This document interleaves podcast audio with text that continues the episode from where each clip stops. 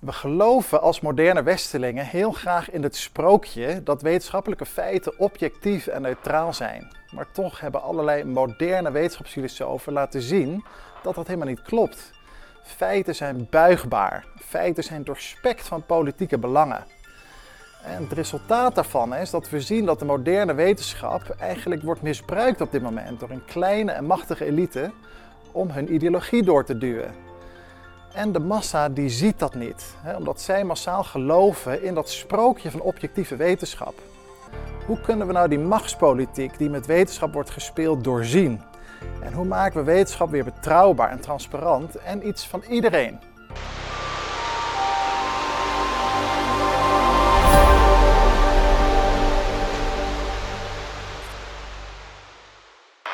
De moderne wetenschap is voor een belangrijk deel ontstaan in de verlichting. Hè? Dus zoals in de 17e en de 18e eeuw. En ons idee van wat wetenschap eigenlijk is, kan dus ook niet los worden gezien van de cultuur en van de normen van die tijd.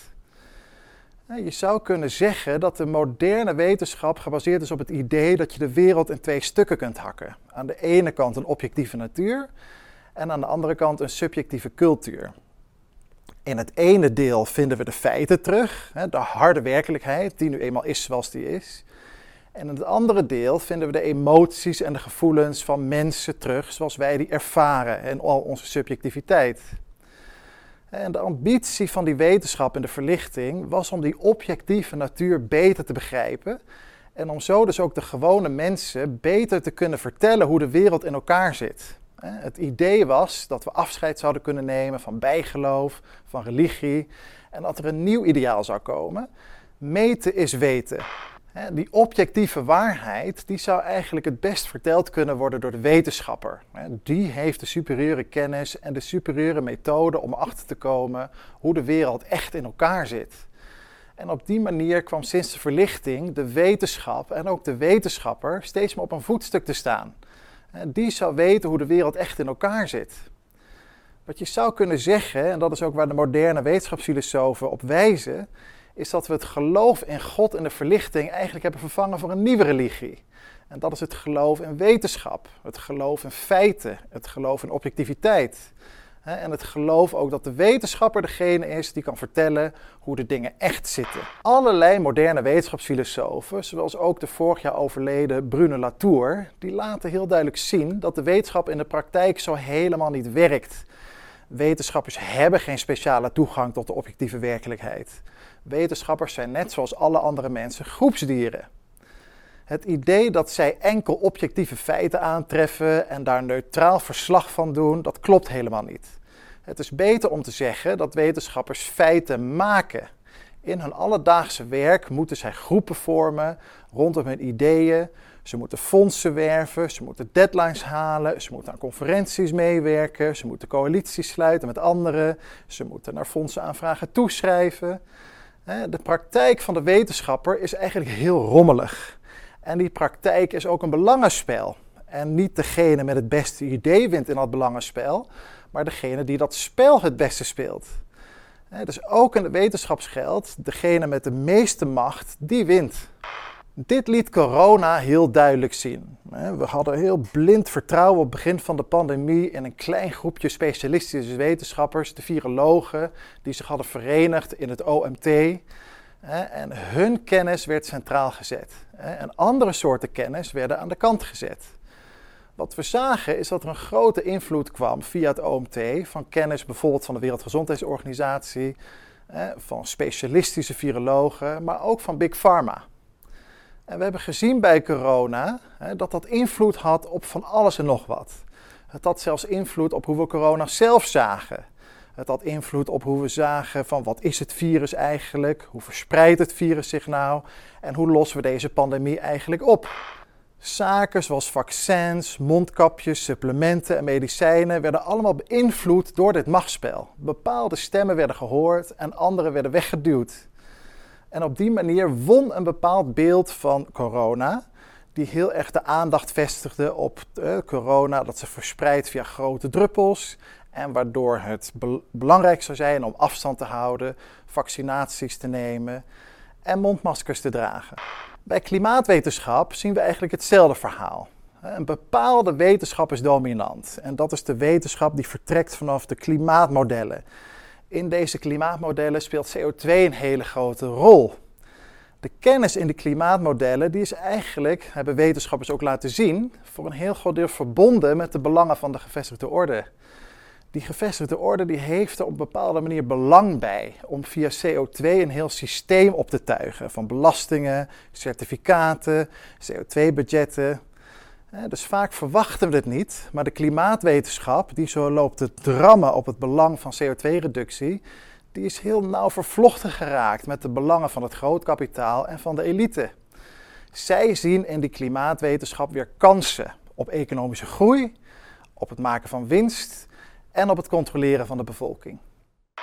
De oplossing voor dit probleem zit dan volgens wetenschapsfilosofen als Bruno Latour erin dat die wetenschapper zijn eigen superioriteit moet uitdagen. zeker rondom die hele complexe vraagstukken zoals corona en klimaat zijn we nu heel erg geneigd om een klein kringetje te maken van experts die ons moeten vertellen hoe het zit. Latour die wijst juist op het belang van het vergroten van die kring. En hij wijst ook op het belang van wat hij noemt het betrekken van lekenkennis. Lekenkennis is eigenlijk kennis van alle mensen. Bij corona hebben we heel duidelijk gezien dat in de samenleving allerlei kennis aanwezig was die van belang was voor het begrijpen en het aanpakken van de pandemie. We zagen bijvoorbeeld mensen met veel kennis van supplementen. We zagen natuurlijk Wim Hof met zijn methode, die erop hamerde dat hij een heel groot verschil zou kunnen maken. En het is ook gebleken dat dat zo is. Zagen juist ook mensen die juist meer wijsheden haalden uit grootmoeders kookboek. Mensen die veel wisten van stressvermindering, van holistisch leven. Al die kennis werd nu niet goed begrepen, niet goed opgepikt en niet goed in het beleid geïntegreerd. We zien hetzelfde gebeuren met klimaat. We zien daar ook weer een heel klein clubje mensen in zo'n instituut samenklonteren, het IPCC, wat onder de VN hangt. Die hebben de macht om te bepalen wat waar is over klimaatverandering. Tegelijkertijd staan een hele hoop mensen ook buiten spel. Bijvoorbeeld mensen met kennis van planten, mensen met kennis van dieren, boeren, vissers, vogelkenners. Ook hier zou zo iemand als Bruno Latour zeggen: is het belangrijk om de kring te vergroten in plaats van te versmallen om samen rond de tafel te gaan zitten om kennis uit te wisselen. Er wordt in de wetenschapsfilosofie ook wel gespeculeerd over het idee om bijvoorbeeld vaker te werken met burgerraden. Burgerraden kunnen helpen om lekenkennis in de samenleving op te halen. En burgerraden kunnen ook gaan gelden als een soort waakhond hè, voor die kleine groepjes experts die met hun kennis vaak veel te veel macht naar zich toe trekken. Op dit moment worden allemaal heel vergaande maatregelen doorgevoerd. En die beperken onze vrijheid op een heel fundamentele manier. En dat gebeurt vaak met een beroep op wetenschap. Dat zagen we bij corona gebeuren, we zagen het bij stikstof gebeuren. En we zullen dat in de toekomst ook steeds meer gaan zien rondom zo'n onderwerp als klimaatverandering. Het is echt heel belangrijk dat wij de politiek gaan leren herkennen in wetenschap. Dat we breken met het naïeve idee dat er maar één objectieve waarheid is, die alleen door een klein groepje experts kan worden blootgelegd. Zolang we daarin geloven, zal die ontwikkeling van vrijheidsbeperking niet stoppen. De huidige situatie leidt tot steeds meer polarisatie. Dat kleine groepje experts probeert hun gelijk steeds agressiever door te duwen. En aan de andere kant staan steeds grotere groepen mensen die zich daartegen verzetten. En die eigenlijk het hele idee van wetenschap ook weer overboord gooien. Dus dit is helemaal niet goed voor het vertrouwen in de wetenschap wat hier gebeurt. Die polarisatie die werkt wetenschapsontkenning eigenlijk alleen maar in de hand. Het is dus echt de hoogste tijd dat we een minder naïef beeld van wetenschap gaan ontwikkelen. Burgers en journalisten moeten getraind worden om de politiek en het maken van feiten te herkennen. We moeten echt gaan eisen dat in dit proces alle belangen en alle stemmen eerlijk gehoord worden. En niet alleen die van een kleine machtige elite.